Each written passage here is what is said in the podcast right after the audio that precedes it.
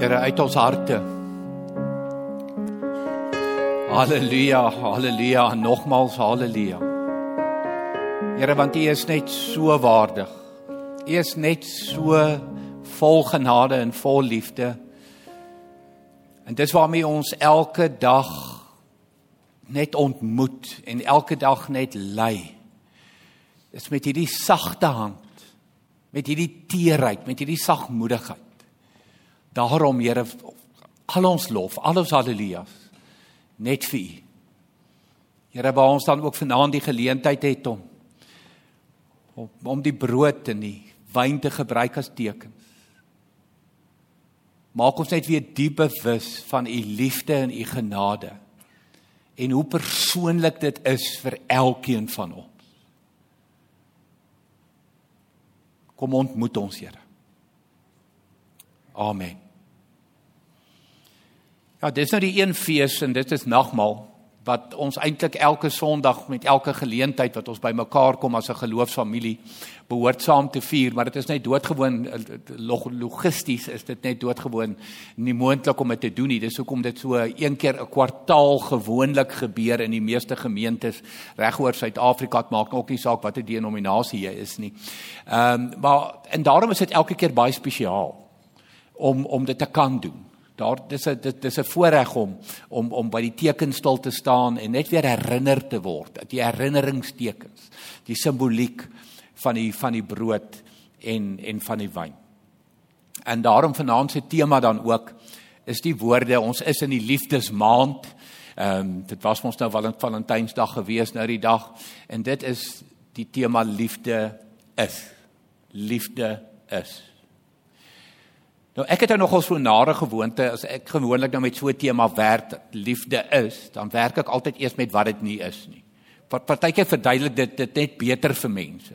As ek vir jou sê wat dit nie is nie, dan help dit jou om dit net nog beter te verstaan. So ek wil net by twee goed gaan stil staan vanaand. Toe ter inleiding om vir jou te sê wat liefde nie is nie. Dis goed wat jy weet, maar dit is dalk net goed om dit weer te hoor. Die eerste een is doodgewoon, liefde is nie 'n gevoel nie. Liefde is nie 'n gevoel nie.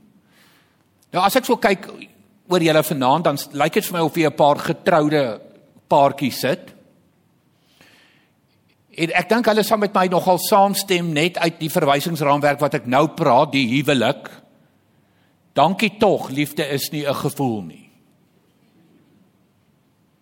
Want dan sou julle nie vanaand langs mekaar gesit het en mekaar waardeer het en liefgehad het nie.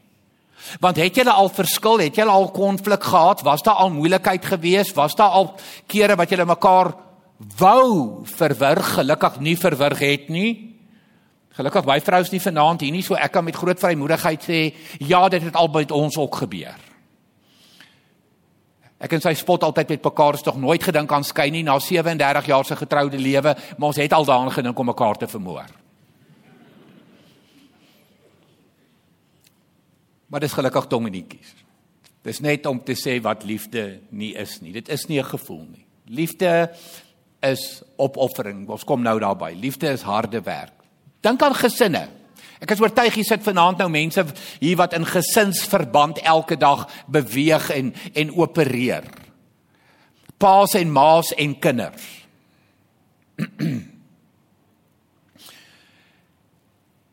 Daai engeltjie van jou wat 6 jaar oud was, 5 jaar oud was, word soos baie van julle nou al besef, word 15 en word 16. En engel word partykeer net so bietjie van 'n monster. En dan is dit of jy gevoel, daai gevoel van hierdie hierdie kindjie wat so opgekyk het na pappa en opgekyk het na mamma en alles was net pappa die hero en mamma die hero en die volgende oomblik is dit hierdie vreemde wese in jou huis van Mars of van Venus of van waar ook al dan kom jy agter Maar liefde is nie 'n gevoel nie. My drie kinders is al drie uit die huis uit. Ons is wonderlike vriende vandag. Ons is ontsettend lief vir mekaar. Het ons altyd so gevoel in die huis? Nee. Want liefde is nie 'n gevoel nie. As liefde 'n gevoel was, sou die kruis nie gebeur het nie. Wil jy moet daaroor dink?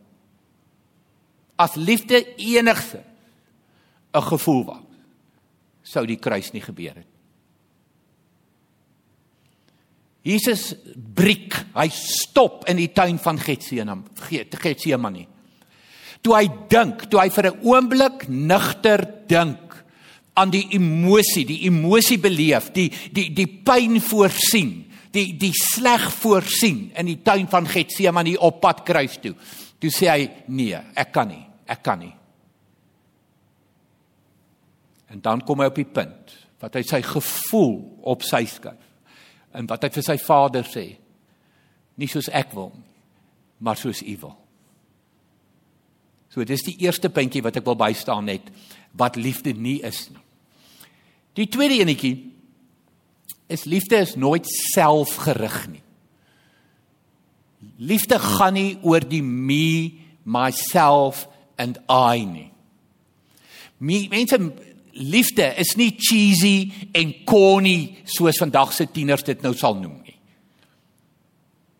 Dit is dit is dit is reël. Dit is dit is iets wat jy ek wil amper sê kan kan kan kan aanvat. Jy weet so baie mense is cheesy en corny en en en en o, hulle is hulle is, ek, ek gebruik altyd die woord nice. Hulle hulle is so nice.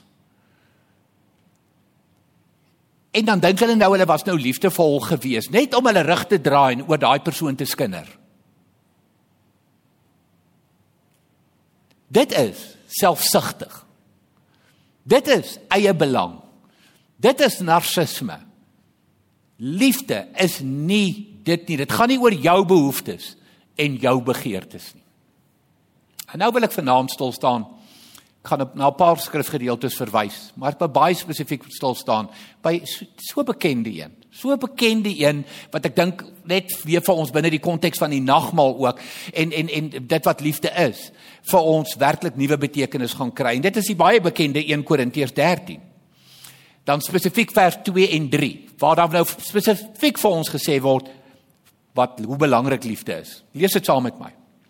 Al het ek die gawe van profesie en ken ek al die geheimenisse?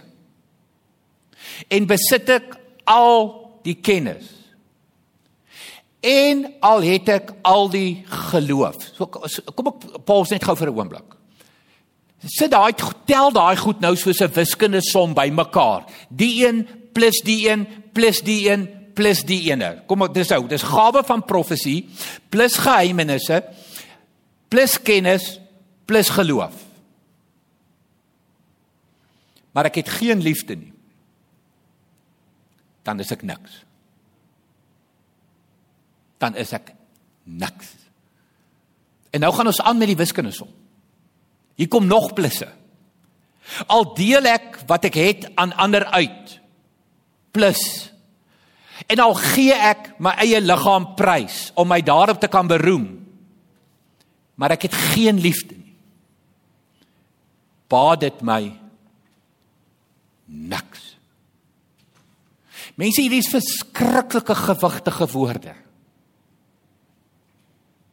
Die nommer 1 eienskap van 'n gelowige moet wees liefde.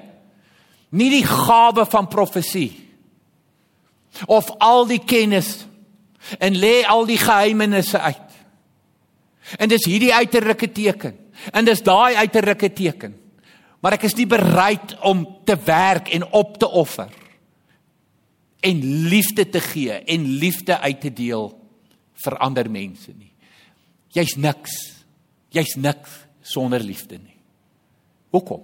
God is liefde. Mense, die kruis is liefde. Die bloed wat gevloei het is liefde. Sy liggaam wat gebreek het is liefde. Dis wat dit is. Dis nie romanties nie. Dis nie rooi rose op Valentynsdag nie. Dis nie daai vlindertjie in die maag en hy aan die bewe gaan vir een of ander hank op die strand nie. Dis baie baie dieper is dit. Dis nie oppervlakkig nie. En dit is ongelukkig wat die media en baie spesifiek tegnologie en skerms liefde gemaak het. Baie dun. Baie oppervlakkig. Dink maar hoe ons jong mense gedryf word vandag. Hulle word gedryf deur, hoor mooi, likes.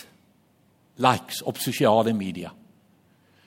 Dis wat hulle dopamien gee. Dis wat van hulle dopamien verslaafdes maak. As iemand my net wil like, as iemand my net wil like, as iemand net hierdie nuwe foto wat ek gepost het wil like, as iemand my net wil follow, as ek net 'n ou hartjie kan kry daar op Instagram. Mense dit is so diep. Dis vlak. Dis wat liefde nie is nie. Liefde is nie like nie.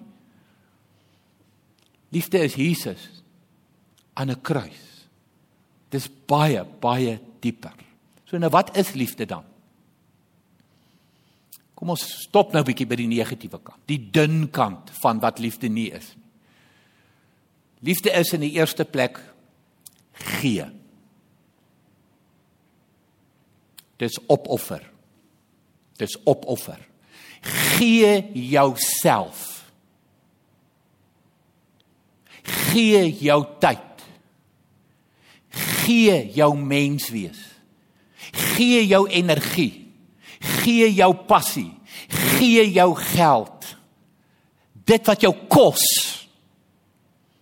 Dit is liefde. As ek dit na die woord toe vat, as ek dit vat na God toe,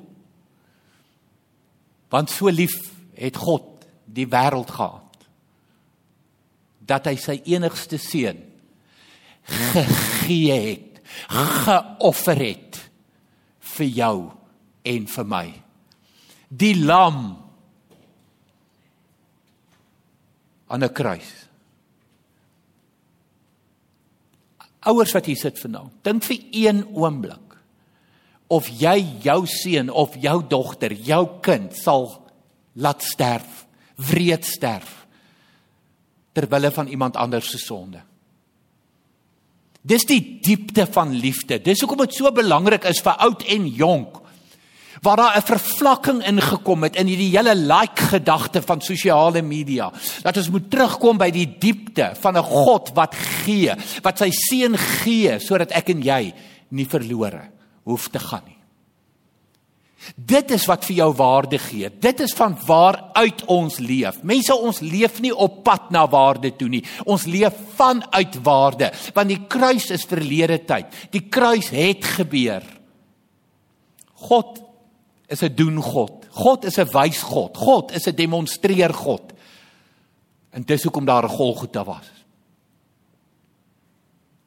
Jesus in jou plek en in my plek hierdie Christus wat sonder sonde was wat deur God as 'n sondaar behandel is sodat ek en jy deur ons eenheid met Christus deur God vrygespreek kan wees Paulus se woorde in 2 Korintiërs 5 vers 21 'n tweede belangrike eienskap van liefde en hierdie gaan dalk nou vir jou klink na 'n botsing want ek het sopas vir jou net ou gesê dat wat dat liefde gaan nie gaan nie oor oor die me myself and i nie nee maar hier praat ek van 'n gesonde selfliefde Weet julle, ons is baie keer so ingestel op ons verhouding met die Here. En dan ons verhouding met ander mense, of dit nou in die huwelik is, of dit nou in vriendskappe is, of dit nou in die gesin is, of dit by die werk is, of watter verhoudings jy ook al kan dink. Weet jy wat die belangrike verhouding wat ons vergeet, is 'n verhouding met self. En hierdie selfliefde is doodgewoon. 'n stuk selfaanvaarding, 'n hoor mooi, 'n diep tevredenheid met jouself. Hoeveel van ons kan regtig vanaand gaan slaap? Ek praat nie van een of ander stuk hoogmoed, een of ander stuk narcisme van o ek is so wonderlik die wêreld kan nie sonder my nie. Dis glad nie waarvan ek praat nie. Ek praat van 'n gesonde selfliefde, want God het my spesiaal gemaak. Om soos 'n Dawid te kan sê, Ek sê altyd Psalm 139 sien ek altyd die prentjie hoe Dawid so half in 'n spieël kyk en homself sien. En vir die Here sê wat u gedoen het vervul my met verwondering. U het my wonderbaarlik aan mekaar gewewe. U die kunstenaar. Weet julle hoekom is dit so belangrik? Hoekom hoekom ek vanaand spesifiek hierdie selfliefde inbring en deel maak van vanaand se boodskap? Daar's soveel mense wat onvergenoegd en ontevrede is met hulle self. Weet jy, solank as wat jy met daai ontevredenheid en met daai onvergenoegdheid met self loop, is jy die heeltyd besig met self. Jy kan nie verby self kom na ander mense en na gesonde verhoudings toe nie. Dis die gemors. Dis hoekom ek net besluit het ek moet vanaand met jou praat ook as ons sê liefde is uiteraard God wat ons liefhet, ons wat God liefhet. Dis waar alles begin. Maar dan die liefde vir jouself, 'n gesonde selfliefde. 'n Dawid, 'n Dawid, Psalm 139 liefde van Here wat U gedoen het, vervul my met verwondering. U het my op 'n wonderbaarlike wyse aan mekaar geweef. As jy op daai plek kom, kan jy begin fokus op ander. Kan jy begin 'n verskil maak in ander se lewe. As jy nie daai punt gaan kom nie, gaan jy die hele tyd net besig wees met self, self, self. Die derde een waarby ek wil stil staan. Liefde is dit 1 Korintiërs 13. Liefde is vriendelik. Love is kind, die Engelse woord. Nou mense vriendelik is 'n verskriklike gevaarlike woord. Want ons kan dit so verkeerd verstaan. Kind sê baie meer as vriendelik. Kind is 'n is 'n woord wat ek dink as ek jou gaan sê wat verstaan jy onder kind, dink ek gaan jy baie meer goed vir my noem as wat vriendelik beteken. Vriendelik is dit klink dis 'n glimlag. Vriend hallo, ek moet vriendelik wees. Maar Wat gaan goed? Nee. As dit vriendelikheid was. Hoor mooi, sou dit nooit 'n vrug van die gees gewees het nie. Jesus het nie geloop op aarde en net môre, môre, môre. Nee. Hy het vriendelikheid geleef, hy het kindness geleef. Dis 'n vrug van die Gees. As jy kyk na die vrugte van die Gees, kyk jy na wie God is, na wie Jesus is. Ek het nou gedink om jou te help vanaand. En ek het 'n paar sinonieme gaan opsoek oor wat vriendelik beteken. So gerus, kyk dit saam met my. Daar's vir jou 'n paar. Vriendelik is om simpatiek te wees. Nie net boue brug en kom oor dit nie. Bietjie stil te staan by mense en stil te sit by mense. En simpatie te hê met mense. Elkeen van ons het 'n storie. Dit gee jou klaar rede vir simpatie. Hulpvaardig. Hoe kan ek jou help? Sê altyd raak F en B. How can I help you? How can I help you? Bekommerd. daarmee bedoel ek nie gaan slaap vanaand bekommerd nie. Dit gaan nie goed met my vriend nie. Dit gaan nie goed met my kollega nie. Dit gaan nie goed met my vriendin nie. Daarom is ek bekommerd oor haar. Wat kan ek doen om dit te verander? Wat kan ek doen om 'n bydrae te lewer, om te help? Bedagsaam. MC Skuman se goeie maniere en etiket. Bedagsaam. Sagmoedig. konsidererend. Ons neem mekaar in ag. Warmte. Nou nie die warmte van die hel nie, hierdie is die warmte wat liefde uitstraal. Empatie en omgee. Jy kry simpatie aan die een kant, ek voel jammer vir jou, empatie, jammer saam met jou, saam met jou. Empatie. En om goed te doen, om goed te doen aan ander. Mense nou daar het jy op die skerm op hierdie skyfie het jy wat vriendelik beteken. Dit is hoekom 1 Korintiërs 13 vir ons sê die liefde is vriendelik. Dit vra die ekstra myl, dit vra die omgee, dit vra jou tyd, dit vra die opoffer, dit vra jou energie, dit vra om jouself ongerieflik te maak, want hierdie goed val nie uit 'n boom uit nie. Dis 'n besluit, dis 'n keuse. God se keuse toe hy sien ek en jy is verlore sy mercy, sy barmhartigheid, sy kindness om sy seun aarde toe te stuur. Hy is nie vir ons elkeen met 'n leer en hy sê klim op nie. Nee, hy sê ek klim af.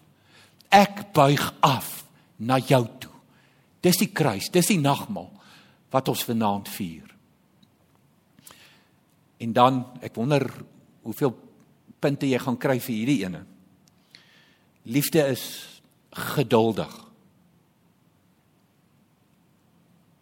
Ooh, ek dop die toets gereeld. Bely ek daarom nou hier voor julle almal. Suid-Afrika se taxi bedryf.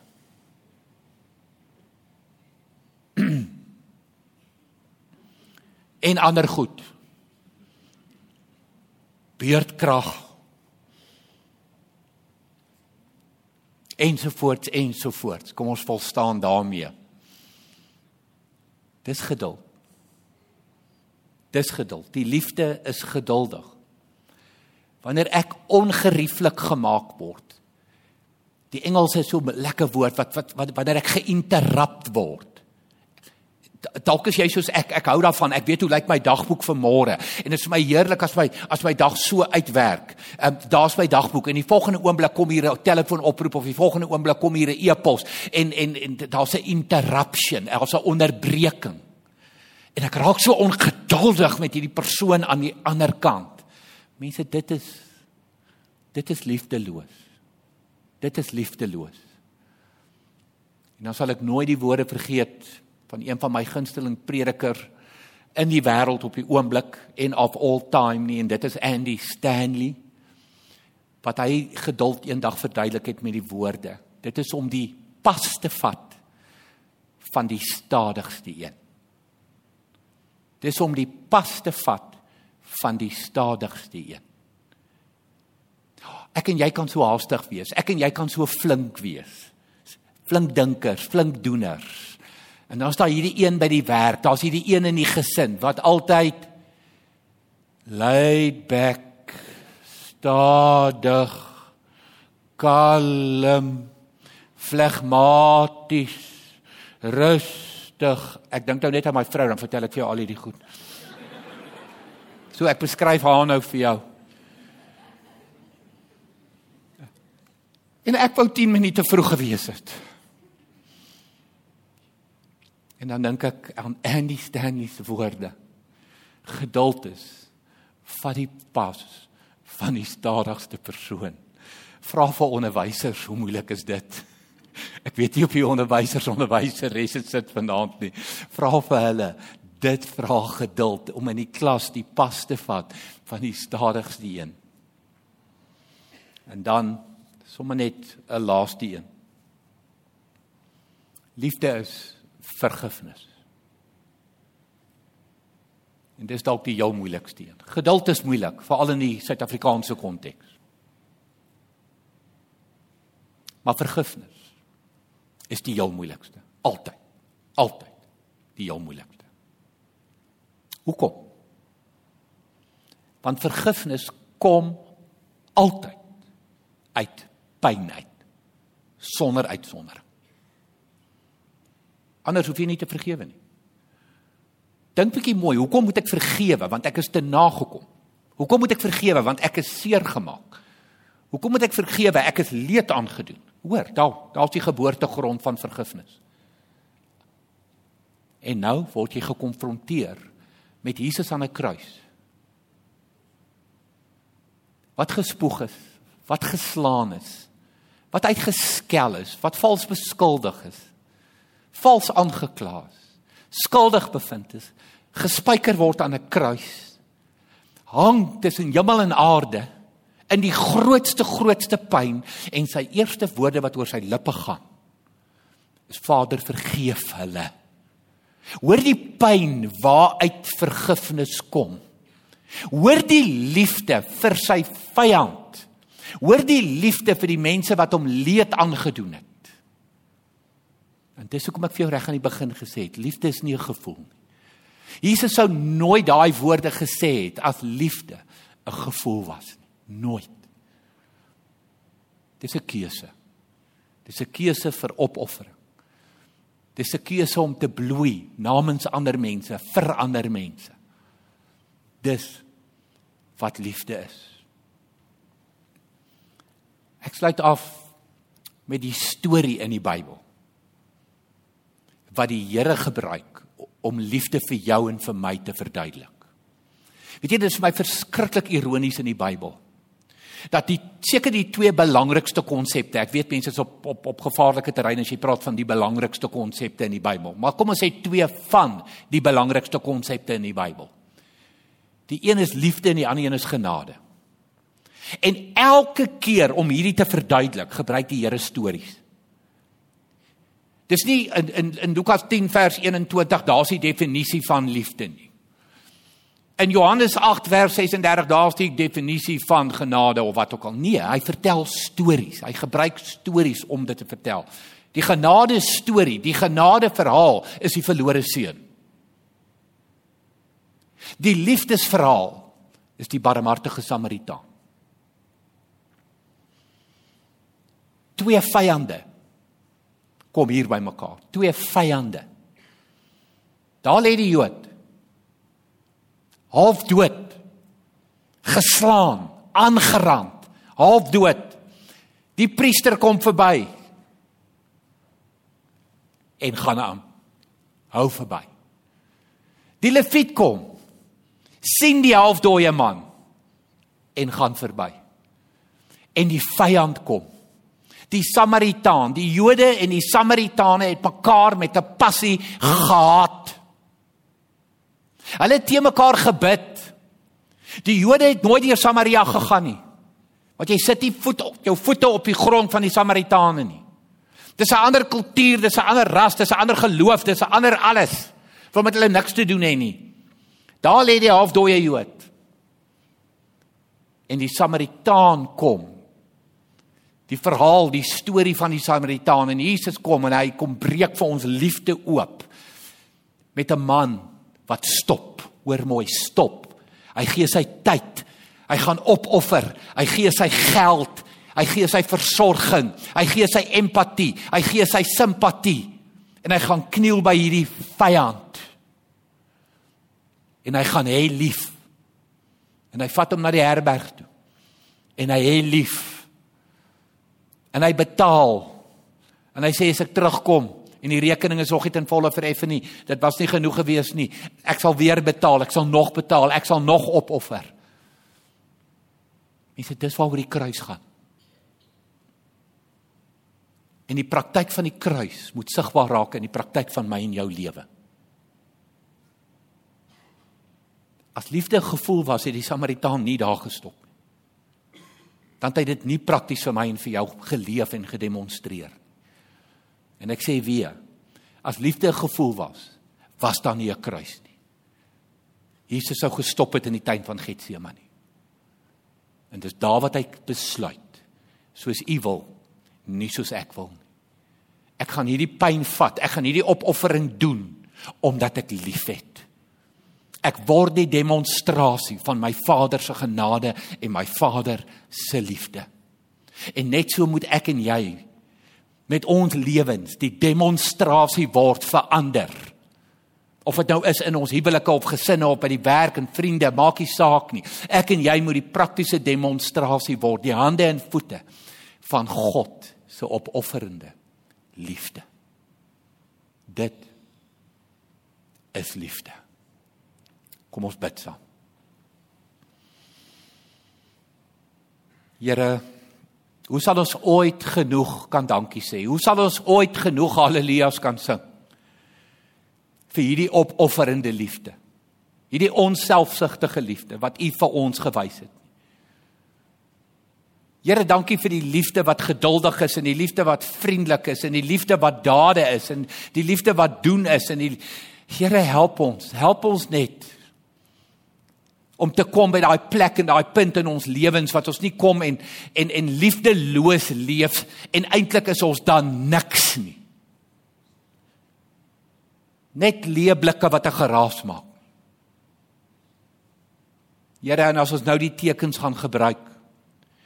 As ons gaan kom by die brood en as ons gaan kom by die wyn. Here, herinner ons net elke net elkeen ten diepste in ons harte wat liefde is.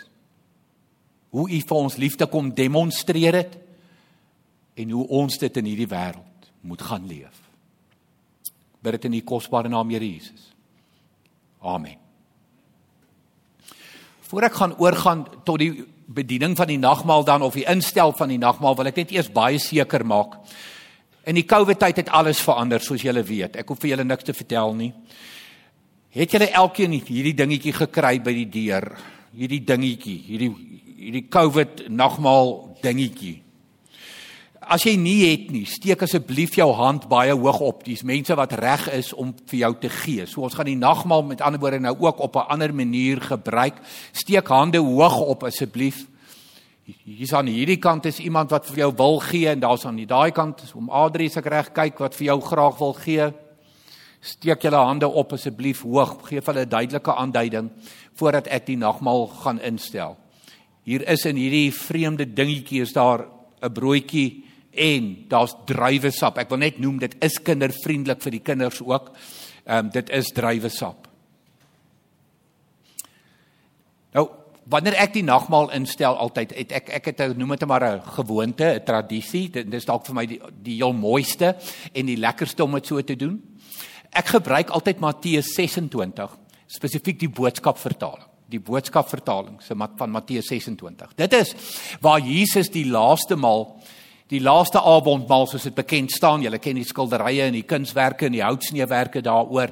So Jesus wat nou gaan eet vir ou laas en en en die Paasfees gaan vier saam met sy disippels.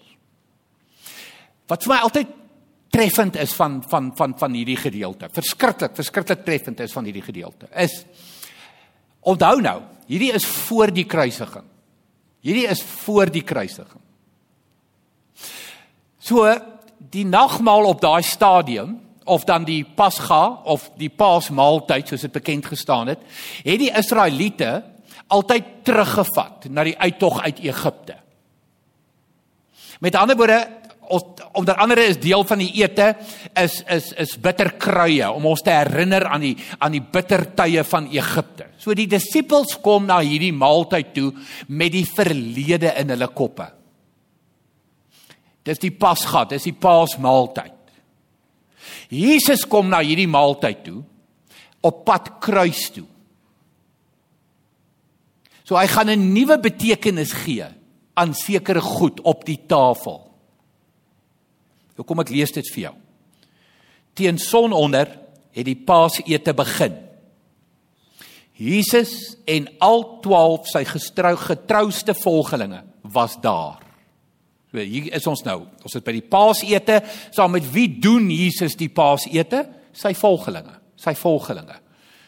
So almal wat vandag volgelinge is van Jesus word genooi om saam met hom die nagmaal te gebruik. Dit is wat hier staan. Jesus en al 12 sy getrouste volgelinge was daar. En hierdie maaltyd, hierdie die Pasga of die Paasmaaltyd het gewoonlik 2, 3 ure min of meer aangehou laattafel op die grond, nie soos wat jy op baie van die skilderye sien nie, en in in in die disippels wat om die tafel sit en daar's onder andere nou lamsvleis en al die tipe van goeders op op op op die tafel en toe kom die volgende punt. Terwyl die ete aan die gang was, vat Jesus 'n stuk brood. Nadat hy vir God dankie gesê het vir die brood, breek hy dit in stukke en hy gee dit vir sy disippels. Vat dit en eet dit, sê hy. En hier kom die woorde wat hulle op daai stadium glad nie verstaan het nie. Dit is my liggaam. So Jesus vat die brood en hy breek dit en hy deel dit persoonlik uit vir elkeen van sy disippels. En die volgende oomblik sê hy vir hulle: "Eet dit. Dit is my liggaam." En Jesus se kop, wat gaan gebeur? Wat gaan gebeur? Ek is op pad kruis toe. My liggaam gaan ek finaal daar vir julle gee, gebreek, my gebreekte liggaam. Dit is die brood. En dan gaan Jesus oor. Toe vat hy die beker met die wyn. Weer sê hy vir God dankie daarvoor en hy gee dit vir sy disippels om te drink. Drink dit almal van julle. Dit is my bloed wat gaan vloei. Wil jy moet baie mooi hoor wat hier staan. by bloed wat gaan vloei. Vandag kyk ek en jy terug 2000 jaar gelede en ons sê vir mekaar, dit is die bloed van Jesus wat vir my gevloei het. Dit beteken en hier is die betekenis van die van die wyn. Dit beteken dat baie mense se sondes as gevolg daarvan vergewe sal word. Wow, mense. As ons die wyn net nou gaan gebruik, die druiwesap net nou gaan gebruik, is 'n teken, simbool, herinneringsteken dat Jesus al jou sondes aan die kruis gedra het en dat jy vrygespreek, jy's vergewe. En dan 'n tweede betekenis, maar dit beteken ook dat baie mense in 'n nuwe verhouding tot God sal kan staan. Met ander woorde dis dis nie Skepper God deur ver, almagtige God deur ver nie. Nee, die bloed wat vloei wat vir jou vergifnis en vryspraak bring. Sy liggaam wat gebreek is. Laat staan jou en my in 'n nuwe verhouding met hom wat maak dat ons vir hom kan sê Vader. Vader. Dis die inhoud. Dis die diepte van die nagmaal. So Jesus het die beker gevat en vir sy disippels aangegee en vir hulle gesê elkeen van julle drink. Vergifnis van sonde en 'n nuwe verhouding met God. En die brood het hy gebreek. Het hy vir hulle uitgedeel en gesê eet. Dit is my liggaam.